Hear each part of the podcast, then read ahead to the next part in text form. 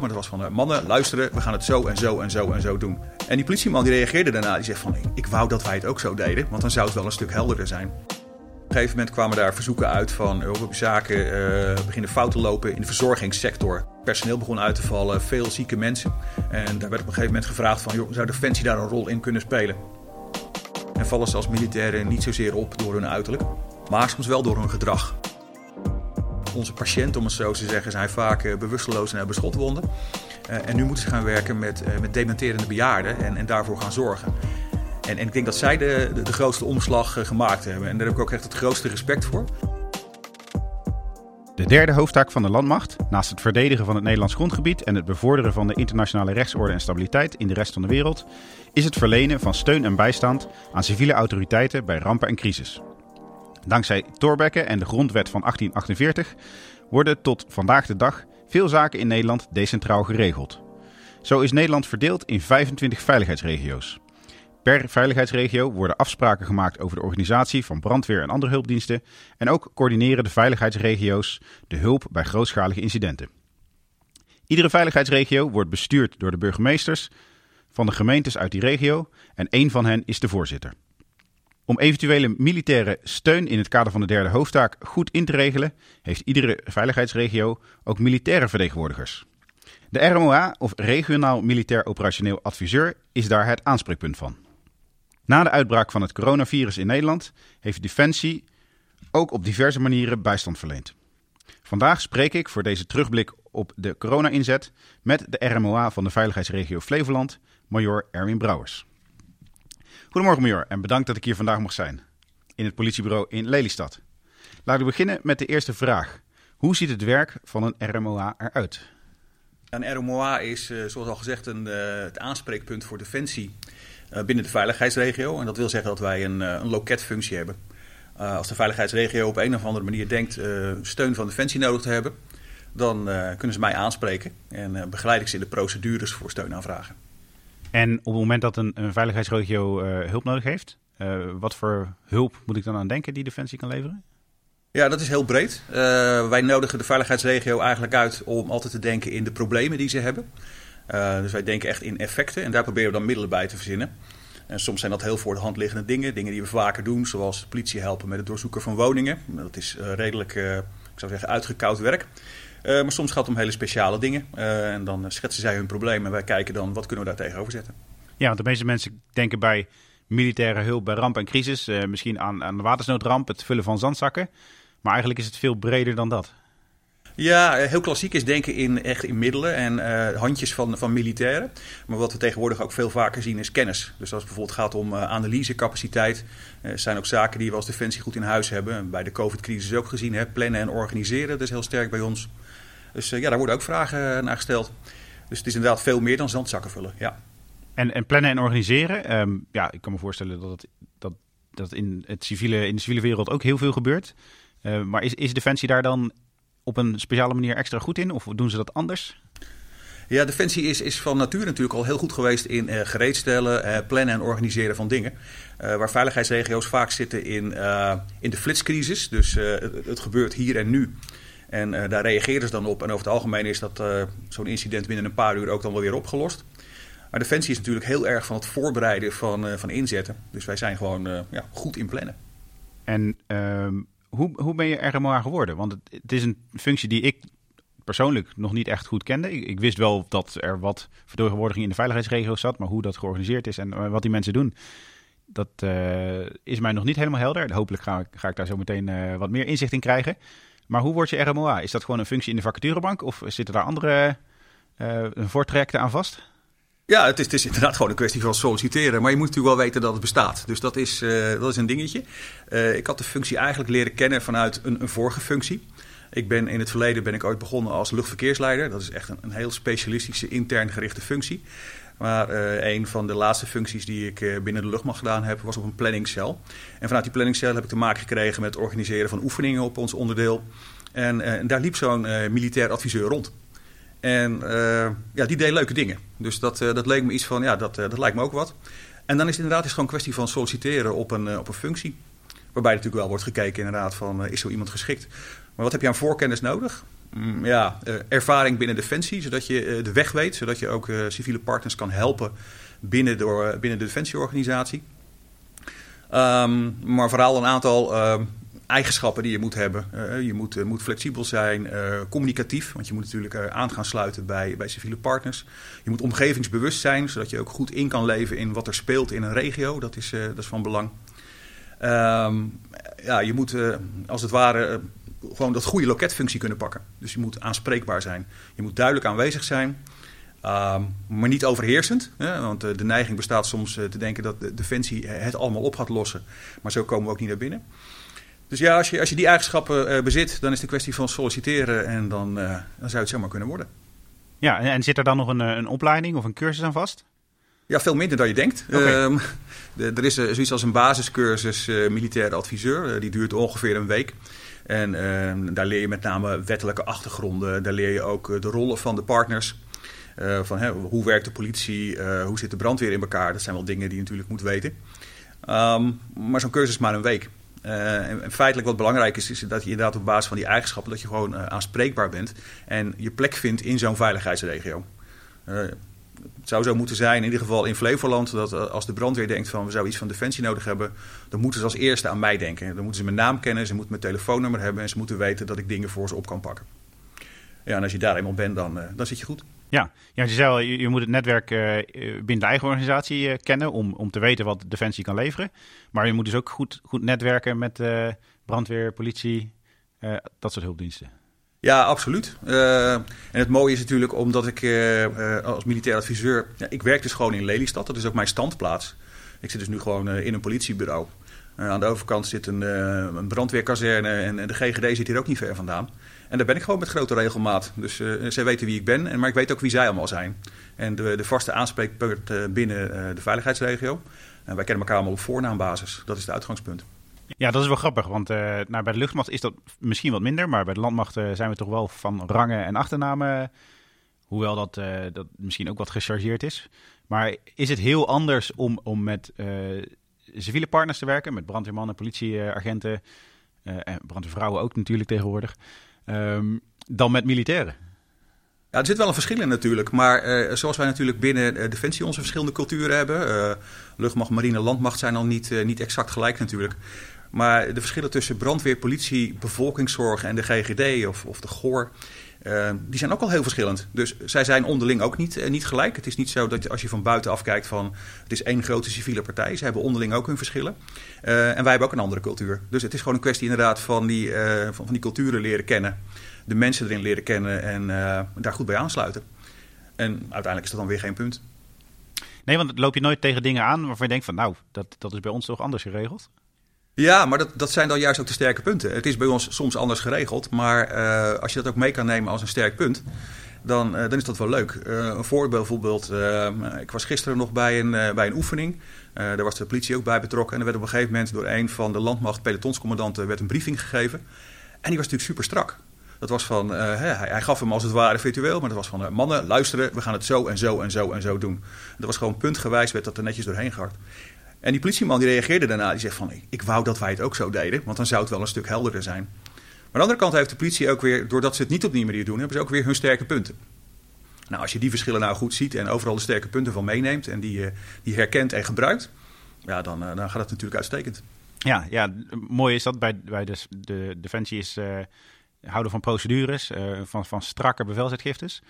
Uh, sowieso is het begrip veiligheidsregio is voor mij nog behoorlijk abstract. Zou je iets meer kunnen vertellen hoe, zo, hoe de organisatie van de veiligheidsregio eruit ziet? Ja, veiligheidsregio is, is natuurlijk een, eigenlijk een bestuurlijk iets. Uh, het is een zaken die normaal gesproken op, op lokaal gemeentelijk niveau, waar de verantwoordelijkheden liggen. Bijvoorbeeld op het gebied van openbare orde en veiligheid. Dat is echt van een burgemeester. De veiligheidsregio trekt dat naar een regionaal niveau, zodat er beter in kan worden samengewerkt. Dus uh, het bestuur van een veiligheidsregio bestaat uit de gezamenlijke burgemeesters van zo'n regio. zo'n regio lijkt soms op een provincie, maar vaak is een provincie zo groot dat die is opgedeeld in verschillende regio's. Flevoland toevallig is één op één. Maar bestuurlijk heb je dus die burgemeesters. Daaronder heb je vaak een directieniveau. En dat zijn, heb je het over commandanten van de brandweer, een korpschef van de politie. En uiteindelijk daaronder zitten de, de, de kolommen zelf, de, de mensen, ik zal maar even zeggen, die het werk doen. En dan heb je dus echt over een samenwerking van brandweer, politie, bevolkingszorg en de GOR. En dat, dat zijn de, de geneeskundige mensen. En dat zijn de vaste kolommen die de veiligheidsregio vormen. En daarbij aangesloten zijn verschillende partners. En Defensie is daar één van. Uh, maar denk bijvoorbeeld ook aan de waterschappen of Rijkswaterstaat. Die, uh, die hebben ook een, rol binnen zo'n regio. Ja, dus best een, een groot geheel met heel veel verschillende uh, spelers, heel veel verschillende capaciteiten en achtergronden. het lijkt me heel dynamisch, heel interessant. Maar op het moment dat er geen rampen of crisis zijn, ben ik wel benieuwd wat zo'n veiligheidsregio dan normaal gesproken doet. Ja, dat is eigenlijk een beetje net als defensie. Dat is dus gewoon gereedstellen. Uh, binnen, het binnen de veiligheidsregio, dat is eigenlijk het grote bestuurlijk geheel, heb je zoiets als het Veiligheidsbureau. En dat is een club van mensen die, die eigenlijk nou, op een vorm van detachering, zou je kunnen zeggen, in dat bureau zitten. Dus daar zitten mensen van de brandweer, bevolkingszorg, politie, maar dus ook defensie. En die zijn bezig met, uh, met, met, voorbereiden. Dus dat is uh, risico's in beeld brengen, daar weer plannen op maken en die plannen weer oefenen. en dat is gewoon gereedstellen. Dat is wachten dan op de crisis. Maar daar, ben je het hele jaar gewoon druk mee. Dat, is wel mooi om te horen. Dat wist ik helemaal niet. Kijk, ik weet natuurlijk dat militairen heel veel oefenen en, en relatief weinig ingezet worden. Um, alleen bij, uh, bij ernst inzetten, missies of uh, bijstand bij ramp en crisis. Um, maar mooi om te horen dat, uh, dat andere organisaties dat ook doen. ik kan me alleen wel voorstellen dat de politie, die gewoon dagelijks bezig is met het werk, wat minder tijd heeft om te oefenen. Of is dat niet zo? Ja, dat, dat is klopt. Uh, voor, uh, voor de brandweer en de politie is uh, algemeen inzet is oefening. wat je dan natuurlijk ziet is dat zij, ehm, ik zeg even, ik pak als voorbeeld de brandweer. die blussen de hele dag brandjes. maar als je de hele dag brandjes blust, dan, dan word je daar wel heel goed in. Maar op een gegeven moment als er een dijkdoorbraak zou zijn, dus een crisis van een, van een, van een grotere complexiteit... Ja, dat wordt niet veel, uh, ja, die inzetten vinden gelukkig niet veel plaats, zou ik zeggen. Maar dan moet je dat dan dus wel op gaan oefenen. En dat wil zeggen dat eens in de zoveel tijd er dus oefeningen plaatsvinden op een uh, complexer niveau. Waarbij met name de samenwerking tussen al die partijen uh, beoefend moet worden. En dan zie je dus inderdaad politie, brandweer, de GOR en de bevolkingszorg gaan samen aan de slag. maar daar kan ook Defensie natuurlijk een rol in spelen. Als wij oefeningen gaan doen met, met water doorbraken, evacuatie, dat soort zaken. En dan kan je voorstellen dat zoiets als Rijkswaterstaat ook ineens nauw betrokken wordt. Maar dat Defensie daar ook een rol in speelt. Uh, kan, kan, een veiligheidsregio zich, zich overal op voorbereiden? Want er zijn natuurlijk zoveel mogelijke scenario's. Of focussen ze zich op bepaalde specifieke rampen die nou, waarschijnlijker zijn? Of uh, misschien zoals bij Defensie, dat we kijken naar de meest waarschijnlijke en de meest gevaarlijke gebeurtenis? Ja, eigenlijk precies zo. Want uh, zoals ik zei, een van de, van de zaken die zij doen is uh, risico's in beeld brengen. Uh, deels zijn dat landelijke risico's. Covid bijvoorbeeld is duidelijk een situatie die niet voor een regio geldt, maar echt landelijk is. Maar je kan je voorstellen dat in, in Flevoland overstromingen een ding zijn waar we nadrukkelijk naar kijken. maar dat is in Drenthe bijvoorbeeld niet zo. en zo heeft iedere regio heeft zijn specifieke risico's. En, en op die risico's maken we ook dan die specifieke plannen. En die gaan we dan ook oefenen. Dus het is inderdaad echt kijken van uh, wat zou deze regio het hardst kunnen raken? Wat zou het meeste effect zijn? En uh, daar bereiden ze zich dan op voor. En daar helpt Defensie dan bij. Ja, ja nou was een globale pandemie misschien niet het meest waarschijnlijke scenario. Maar hoe was de veiligheidsregio daarop uh, voorbereid? Ja, hij staat in, in, in de risicoanalyse voor, voor, voor iedere regio bijna, staat hij vrij hoog. De, de kans op een, op een pandemie is, is altijd al ingeschat als vrij groot. En ook als vrij ernstig in zijn, uh, in zijn uh, effecten. Alleen je erop voorbereiden, ja, iedere pandemie is weer anders, omdat het ziektebeeld natuurlijk anders is. Maar daar lagen wel plannen voor. Uh, en wat er al gebeurt in een veiligheidsregio, als, als dit om de hoek komt kijken, dan is het van, nou, wat ze klassiek doen, is eerst een beeld opbouwen van wat is er aan de hand. dan een soort oordeelsvorming, wat, wat betekent dat dan? Hè? Wat zouden daarmee moeten? En uiteindelijk stuk besluitvorming, wat gaan we dan doen? En wat je dan ziet is van, uh, wat hebben we al aan plannen liggen? Uh, voor pandemieën, daar lagen al plannen. Er zijn natuurlijk wel meer, uh, bijvoorbeeld griepenepidemieën geweest. speciale varianten van koorts, soms ook, ook dierenziektes. maar uiteindelijk zijn dat zaken waar dan wel al plannen voor zijn. die worden dan afgestoft, opnieuw bekeken van, kunnen we daar wat mee? En uiteindelijk worden die neergelegd over de nieuwe situatie. En gaan ze daarmee aan de slag. Ja, het, het lijkt alweer heel lang geleden. Eind vorig jaar uh, begin dit jaar brak het virus uh, uit in China en verspreidde zich daar, uh, met name over de provincie Wuhan. Nou, vervolgens werd Italië heel hard getroffen. En uit mijn hoofd zo'n beetje eind februari was het eerste geval in Nederland. Ehm, ja, en sindsdien is er heel veel gebeurd. Ehm, maar kun je nog even kort schetsen hoe, hoe die periode van het begin van de uitbraak in Nederland eruit zag voor de veiligheidsregio en met name voor jouw werk? Ja, wij, zaten natuurlijk. Uh, wij kijken natuurlijk allemaal naar het nieuws, hè, dus je zag het in China wel gebeuren. Uh, maar wij waren toen eigenlijk nog bezig met ons normale programma. Hè. Je moet voorstellen dat we in de loop van het jaar een soort oefenprogramma uitlopen. En uh, toevallig was ik op dat moment bezig als projectleider met een, met een soort symposium. Dat ging nog over water en evacuatie, want dat was het thema van dit jaar. Um, en terwijl we eigenlijk daarmee bezig waren met de uitvoering, dat was ook zo'n beetje de week dat we dat, uh, dat, symposium hadden, was ook de week waarin de eerste maatregelen vanuit, uh, vanuit de overheid kwamen. Van joh, het gaat in Nederland gaat het nu ook spelen. En dan zie je gewoon dat de regio als het ware de normale activiteiten, die oefenactiviteiten, gaat stilleggen.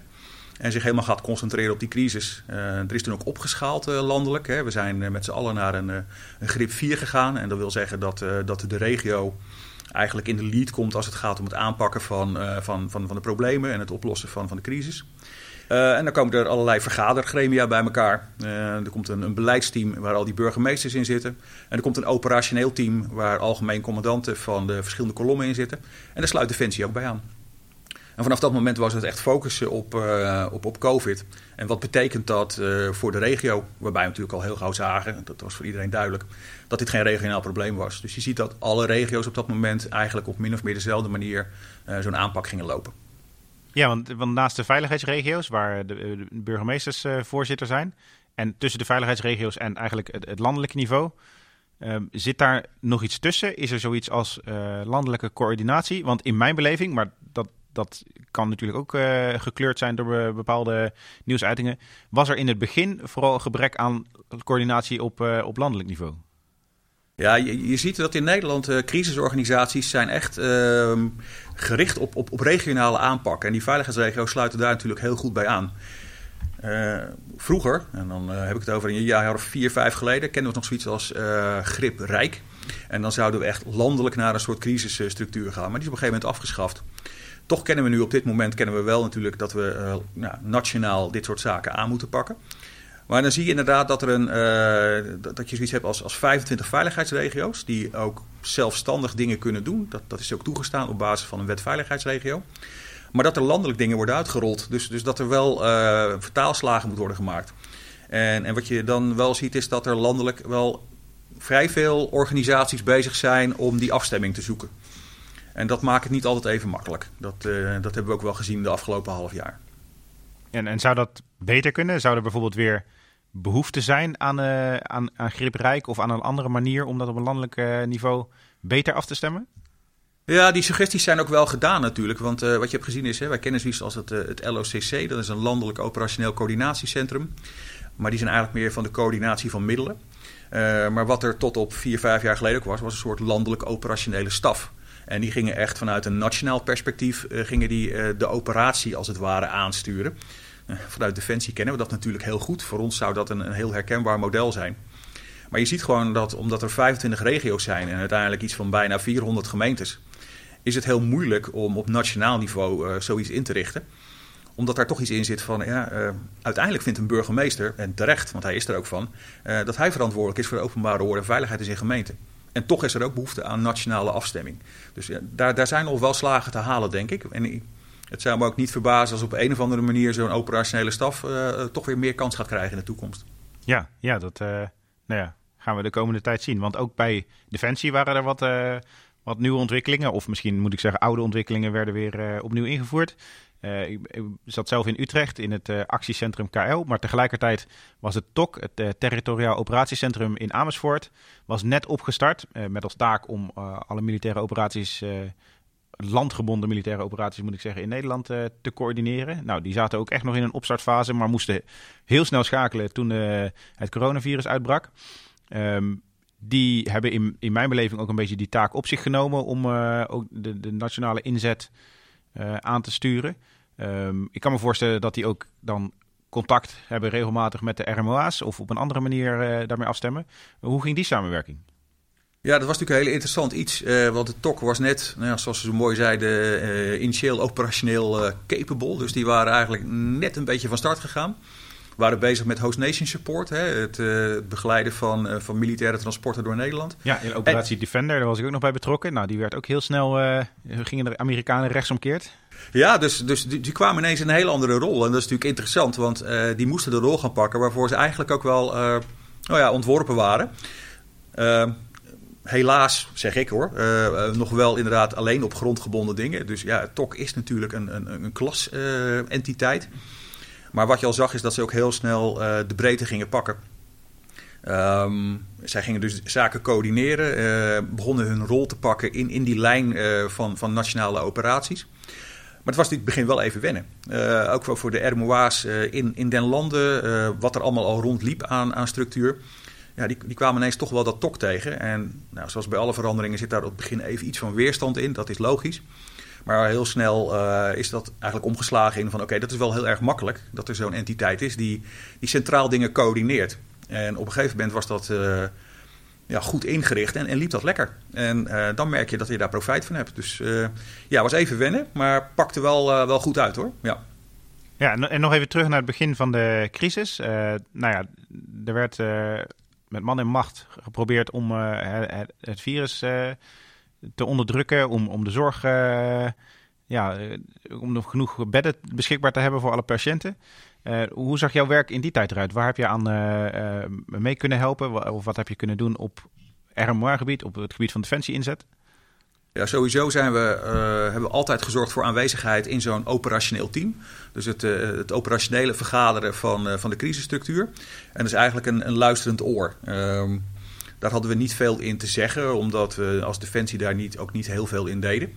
Maar buiten die vergaderingen om waren we ook gewoon een constant aanspreekpunt voor, voor de geneeskundige mensen van, van de GOR, de, de geneeskundige hulp in de regio. En daar kwam op een gegeven moment kwamen daar verzoeken uit van oh, we beginnen nu zaken, beginnen fouten lopen, met name in de, in de verzorgingssector, dus in de, in de verzorgingshuizen. Uh, daar begonnen, nou ja, personeel begon uit te vallen, veel zieke mensen. En daar werd op een gegeven moment gevraagd van, joh, zou Defensie daar een rol in kunnen spelen? En dan is het een kwestie inderdaad van, van kijken, wat kunnen we doen? Um, Zo'n zorginstelling kwam dan van, ja, hè, soms heel simpel. Joh, we willen 10 artsen, 20 verpleegkundigen en, uh, en 100 verzorgenden. Nou, die hebben we niet. Uh, wat we dan deden was, dan, dan gingen we samen met de GOR naar zo'n verzorgingstehuis. Maar daar kwamen ook meteen wat specialisten vanuit de TOK aangestuurd. Gingen we naar zo'n verzorgingstehuis en kijken, wat is er nou precies aan de hand? Waar zit exact je probleem? en wat kunnen we daar dan tegenover stellen? En zo kwamen we dan tot ja, beter gedoseerde hoeveelheid hulp. en, en die werd dan ingezet. Ja, en dat inzetten, dat gaat niet zomaar. Het is niet zo dat er dan wat medisch personeel naar zo'n zorginstelling gaat. Daar moet een procedure voor worden doorlopen. En het is de taak van een militair adviseur om zo'n eh, procedure ook te begeleiden. Dus waar normaal gesproken eigenlijk een, uh, misschien een burgemeester een, uh, een handtekening zet onder een, een, een, steunaanvraag... en die ook zelf zou moeten tikken. Mm -hmm. Dat gebeurt natuurlijk niet. Dat is dan mijn werk om zo'n ding in elkaar te zetten, de juiste tekst erin te zetten. Ook te overleggen al met, met de defensiekant van oké, okay, welke eenheden zouden het worden? Hoe gaat het straks zitten met toestemming vanuit Den Haag? Dus dat werken we informeel, dat bereiken we ook al voor. En dat leidt dan uiteindelijk tot een, een ondertekende aanvraag van zo'n burgemeester. Die gaat de lijn in, komt bij, bij Defensie uit in Den Haag. En daar wordt hij goedgekeurd en dat leidt uiteindelijk weer tot, tot een inzet. En bij die inzet als militair adviseur ga je ook weer kijken. Want je wil gewoon kijken of het allemaal goed gaat. Zo'n zo'n eenheid valt op dat moment eigenlijk onder een commandant militaire middelen. Die wil graag weten of zijn personeel daar nog aan de opdracht voldoet en of alles veilig is.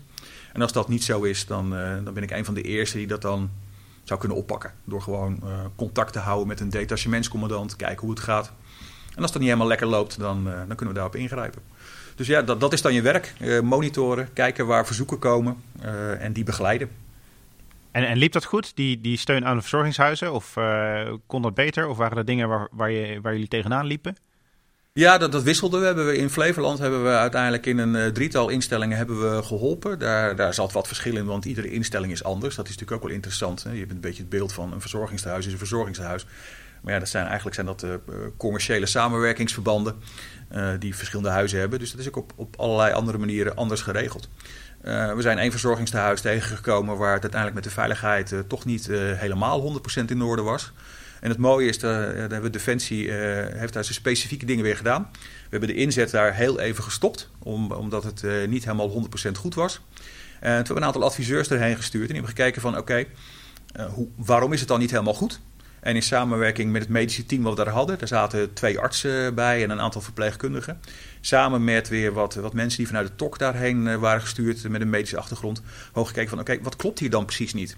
Nou, het had te maken met de inrichting van, van aankleedstraten, uh, de scheiding tussen, tussen vuil en schoon gebied. En dat waren eigenlijk relatief kleine dingen, maar die moesten wel ingeregeld worden. Dus daar heeft Defensie in plaats van, uh, ik zeg even handjes aan het bed, dus gewoon toch weer, ja, ik zeg maar even het zandzakken vullen, maar dan op medisch gebied, gewoon uh, geadviseerd met kennis. En dan zie je dus ook dat het, dat, dat leidt van, tot een, je zou zeggen een halve dag of een dag vertraging. Maar daarna was het heel veel beter. En toen we daar twee weken later weggingen, was ook het advies van, joh, hou deze methode van werken, houd, houd het ook gewoon vast. Uh, uh, en dat hebben ze natuurlijk gedaan. Je zou bijna zeggen, als we daar niet aan bed hadden geholpen met handjes, maar alleen al hadden geholpen met het organiseren van de manier waarop daar de zorg in elkaar zat, dan hadden we daar al winst gemaakt. Ja, en dat zijn natuurlijk ook mooie dingen om te zien. Ja, ja want uh, zeker de verzorgingshuizen die hadden het zwaar. Die hadden soms tekorten aan beschermingsmiddelen. Wat je al zei, personele uitval. Um, hoe was de reactie daar op de militaire inzet? Want soms zijn mensen nog wat terughoudend als ze met militairen moeten werken. Of eh, onwennig, omdat ze het niet kennen. Of omdat ze een bepaald beeld hebben van, uh, van Defensie. Was dat in de verzorgingstehuizen ook het geval? Of was dat juist heel anders? Ja, dat is, dat is natuurlijk wel bijzonder inderdaad. Aan de ene kant zie je soms een, eh, een, een beetje een angst hè, van uh, Defensie komt. En, en hoe komen die dan binnenstappen? Ja, de, insteek van Defensie, dat is vanuit de militaire adviseur, maar uiteindelijk ook van de eenheden, is van we komen de zaak niet overnemen, we komen helpen.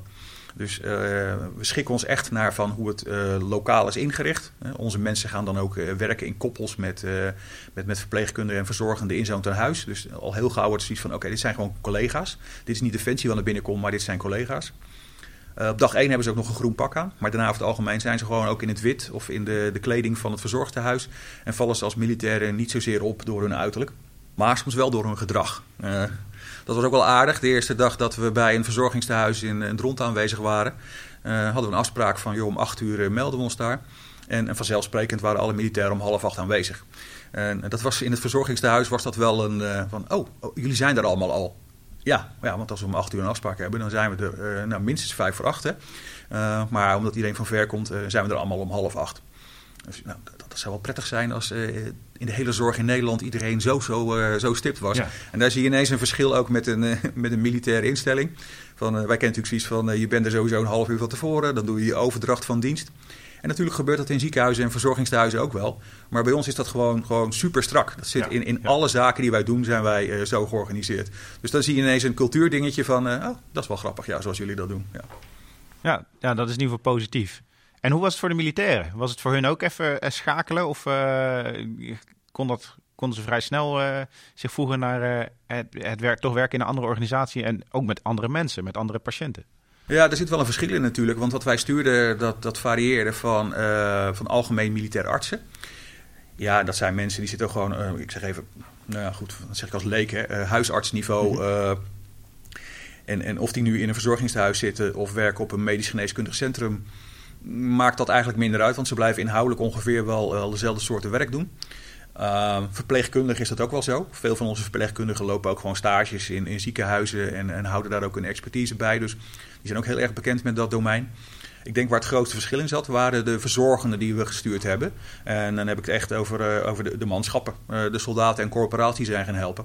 En dat heb ik ook uitgelegd in die verzorgingstehuizen. Van, uh, je gaat nu iemand krijgen, een, verzorgende. En die zit binnen Defensie, zit hij op het niveau... Ja, in, in het veld. Werken met mensen met, met, trauma. Dat is waar ze op oefenen en uiteindelijk ook worden ingezet. Dus ja, onze, onze patiënten, om het zo te zeggen, zijn vaak bewusteloos en hebben schotwonden. En nu moeten ze gaan werken met, met dementerende bejaarden en, en daarvoor gaan zorgen. En, en ik denk dat zij de, de, de grootste omslag uh, gemaakt hebben. En daar heb ik ook echt het grootste respect voor. Want daar zie je echt inderdaad soldaten en corporaals die nou ja, vanuit het veld, vanuit een bokser opererend, daar rond moesten rennen en met mensen slepen. Die stonden nu ineens op een gang met, met dementerende bejaarden. En, en daar moesten ze ook mee aan de slag. En dat is echt een hele andere tak van sport ineens. En dat, dat hebben ze over het algemeen gewoon heel erg goed gedaan. Dus daar hoorden we ook de reacties van terug. Van ja, dit is toch wel heel erg anders dan wat we, waarvoor we waren opgeleid. Maar we vonden het wel heel mooi. Ja. En, en dat is uiteindelijk dan weer het, uh, het mooie natuurlijk. Ze hebben daar ook weer veel geleerd. Ja, Ja, en er is ook al veel gesproken op de, de mentale impact, met name op zorgpersoneel. hoe hebben jullie ervoor gezorgd dat dat voor de, de defensiemedewerkers dat, dat, nou, dat de belasting niet te zwaar was? Want ik kan me voorstellen dat het ook wel heftig was. Er zijn hoogstwaarschijnlijk ook mensen overleden in de verzorgingstehuizen waar ze werkten. Hoe werd daarmee omgegaan? Ja, we hebben natuurlijk uh, aan de voorkant ook gekeken van hoe zit het met het aspect veiligheid? Hoe heeft zo'n verzorgingstehuis dat ingericht? Want in feite worden wij als het ware een soort uh, groen uitzendbureau die onze mensen uh, voor drie weken uitlenen aan een verzorgingstehuis. Dus die verantwoordelijkheid voor, voor dat soort zorg ligt ook op dat moment wel bij een verzorgingstehuis. En we hebben ook gekeken hoe hebben ze dat ingericht. hebben die zoiets als, als aanspreekpunten waar, waar, waar eigen personeel, maar dus ook ons personeel terecht kan?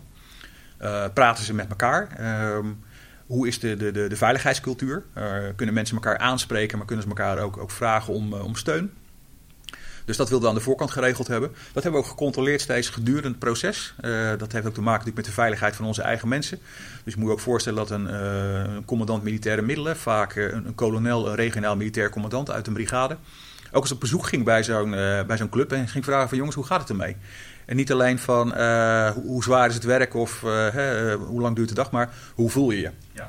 En, en dat is wel van belang. En dat is natuurlijk ook, bij Defensie zijn we natuurlijk op het gebied van uitzendingen wat dat betreft wel uh, nu gepokt en gemazeld van hoe gaan we dat soort dingen om. En, en daar hebben we dus ook een, een waakzaam oog voor van hoe komen die mensen er ook weer uit. Want inderdaad, er gebeuren niet allemaal leuke dingen in die ziekenhuizen. Ze waren er ook niet voor niks natuurlijk. Wat, heb, heb, je daar zelf nog iets van meegekregen, van de, van de impact die het coronavirus had op, op ziekenhuizen of op zorginstellingen? Nou, niet zozeer van ons eigen personeel. Ik, ik heb de indruk dat die dat uh, allemaal uh, goed hebben opgepakt en daar, ik zeg even, goed weerbaar in waren en dat goed hebben gedaan.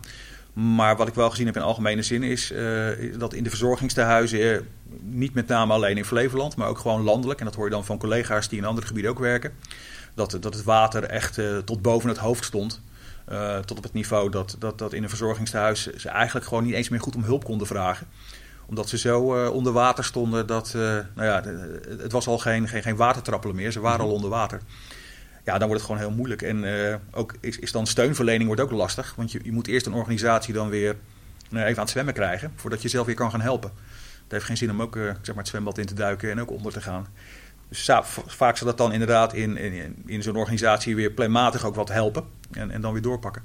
Maar daar was het wel zwaar. Dat, uh, dat merkte je aan, uh, aan veel van die gesprekken en uh, alles wat rondging. Ja. ja, want hoe was het überhaupt het contact met de, de andere regio's of met de andere RMOA? Ja, dat, dat zijn superkorte lijntjes natuurlijk. Ehm, binnen onze brigade, heel simpel, down to earth, hebben we gewoon een WhatsApp-groep tussen de RMOA's. En daar is, uh, daar is veel contact. Dus wij praten gewoon met elkaar van, joh, uh, hoe gaat het bij jou? We komen ook met enige regelmaat uh, bij elkaar. soms via Teams, soms ook gewoon fysiek. en zeker in die eerste golf was het gewoon belangrijk om te kijken van, joh, wat gebeurt er in jouw regio? hoe lopen de aanvragen? Waar loop je tegenaan? zijn er zaken die daar heel goed gaan of juist heel slecht? en zo wisselt ook ervaring uit. En dat was dan soms binnen de brigade, want wij zien elkaar dan met, met acht RMOA's uit het, zeg even het Noordoosten. Kwamen daar veel tegen. Maar daarbuiten natuurlijk was er ook overleg tussen de verschillende brigades. Van hoe loopt het in jullie gebied dan? En die kennis werd ook uh, gewoon gedeeld. Dus je hoeft niet alles zelf te verzinnen. En, uh, en ook ja, kijken van hoe loopt dat. dat. Dat kon je gewoon met elkaar delen. Ja. hele andere vraag. De, de, in het begin, wij doen natuurlijk heel veel monitoring van media en ook met name social media. In het begin was er nog de angst onder delen van de bevolking dat het leger ingezet zou worden om, om de lockdown af te dwingen. Uh, dat, klinkt in Nederland misschien uh, heel ver gezocht, maar in, in andere landen zag je dat dat wel gebeurde. Uh, ook in landen als België en Frankrijk is het heel normaal dat er militairen in het straatbeeld zijn, eh, vanwege de terroristische dreiging. Maar ook in Spanje werd bijvoorbeeld het leger ingezet. In Italië werd het leger zelfs ingezet om, om de overvolle begraafplaatsen te ontlasten en de overledenen te vervoeren. in Nederland is er vooral in de zorg steun geleend. Uh, en daarna ook uh, op logistiek gebied, uh, bij de voedselbanken en wat je al zei op planningsgebied. Um, vind je dat de, de, Defensie dat, dat goed heeft aangepakt? Dat we op de juiste manier zijn ingezet? Of vind je dat we ook meer of beter of anders ingezet hadden kunnen worden?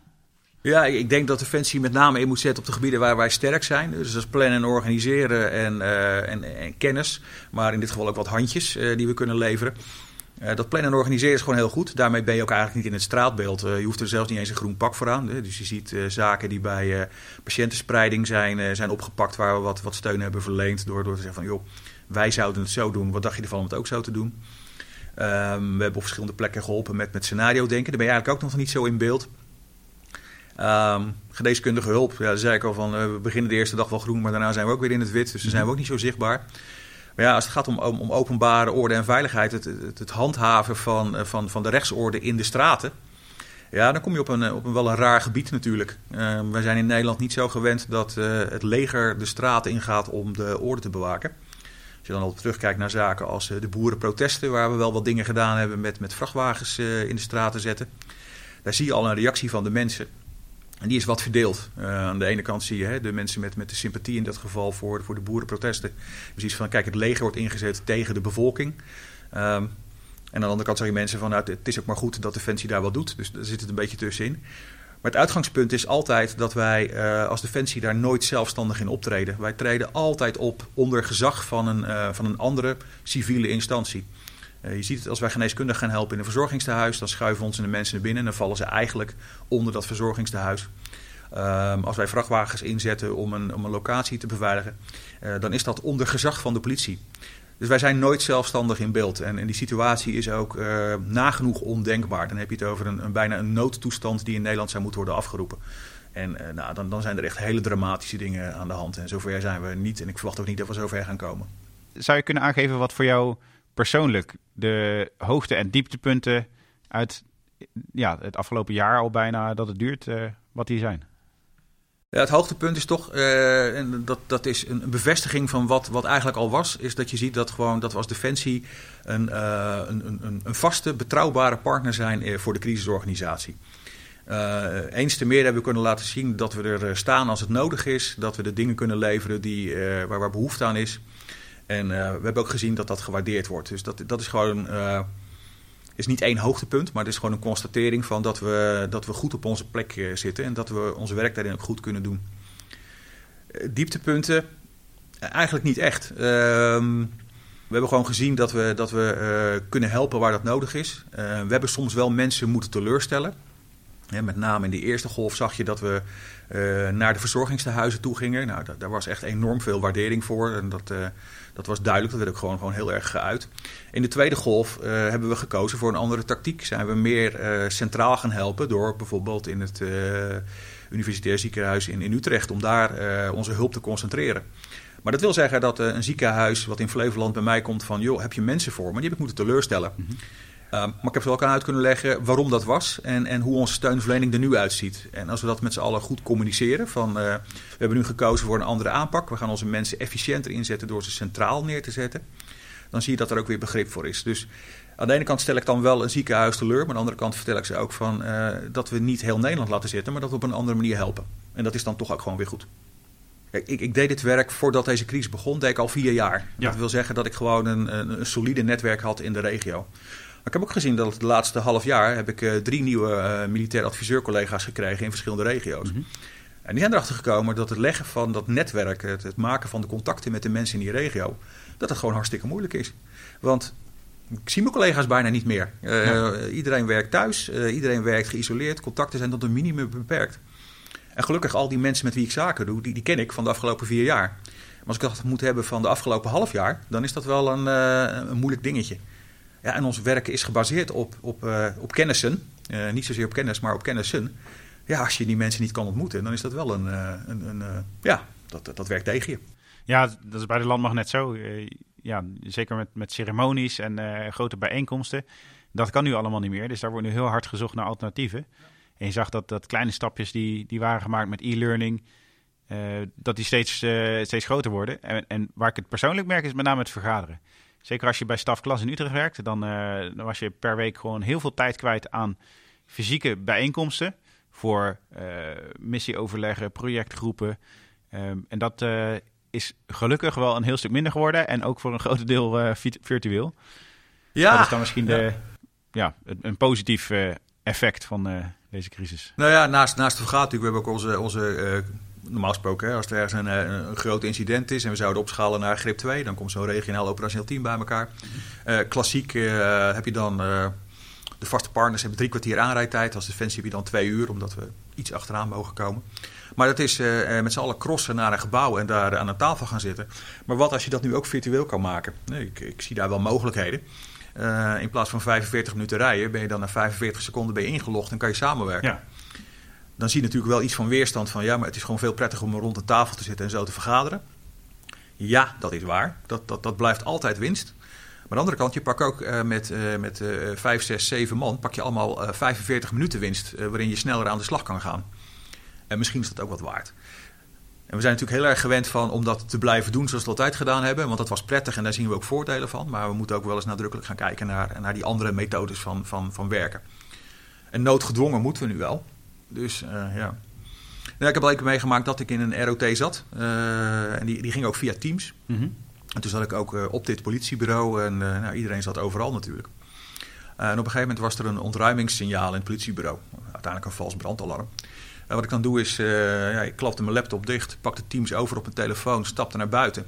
En ik heb buiten na, na, na ongeveer vijf minuten verteld van, by the way, ik, ik sta nu buiten onder een boom, sta ik met jullie te vergaderen. Maar dat had natuurlijk niemand gemerkt. Nee. Uh, dus daar zie je al van uh, je flexibiliteit uh, die, die je hebt door dingen dan weer meer virtueel te doen. Die is enorm. Niemand had in de gaten dat ik niet meer achter een bureau zat. Of waar normaal gesproken zouden we dan met z'n allen die tafel hebben moeten verlaten. En allemaal naar buiten moeten gaan rennen en, en een flip over meenemen. Ja. En nu ging het gewoon door. En niemand had zelfs ook maar in de gaten dat een van de leden ineens 100 meter verplaatst was omdat zijn infrastructuur uh, nou, in de brand stond, zeg maar. Ja. Deed er niet toe. Dus er zijn ook kansen. Die, die, moeten we ook wel pakken. Ja. dat doen we ook wel hoor. Onwijs bedankt voor het luisteren. Ben je fan van de show? Help ons dan door een review achter te laten op Apple Podcasts of Stitcher. En raad deze podcast aan bij vrienden, familie en collega's. En als er nou een onderwerp is waarvan je vindt dat we het moeten behandelen, tweet dan met hashtag mijn missie of stuur ons een bericht op Facebook of Instagram. Mijn missie is een productie van de Koninklijke Landmacht. Nieuwe afleveringen komen regelmatig op maandagochtend online. En je vindt ze in de meeste podcastspelers onder Landmacht FM of Mijn Missie. Je volgt de Koninklijke Landmacht via Twitter, Instagram, Facebook en YouTube. En op defensie.nl vind je het laatste nieuws rondom de krijgsmacht. Nogmaals bedankt voor het luisteren en tot de volgende aflevering.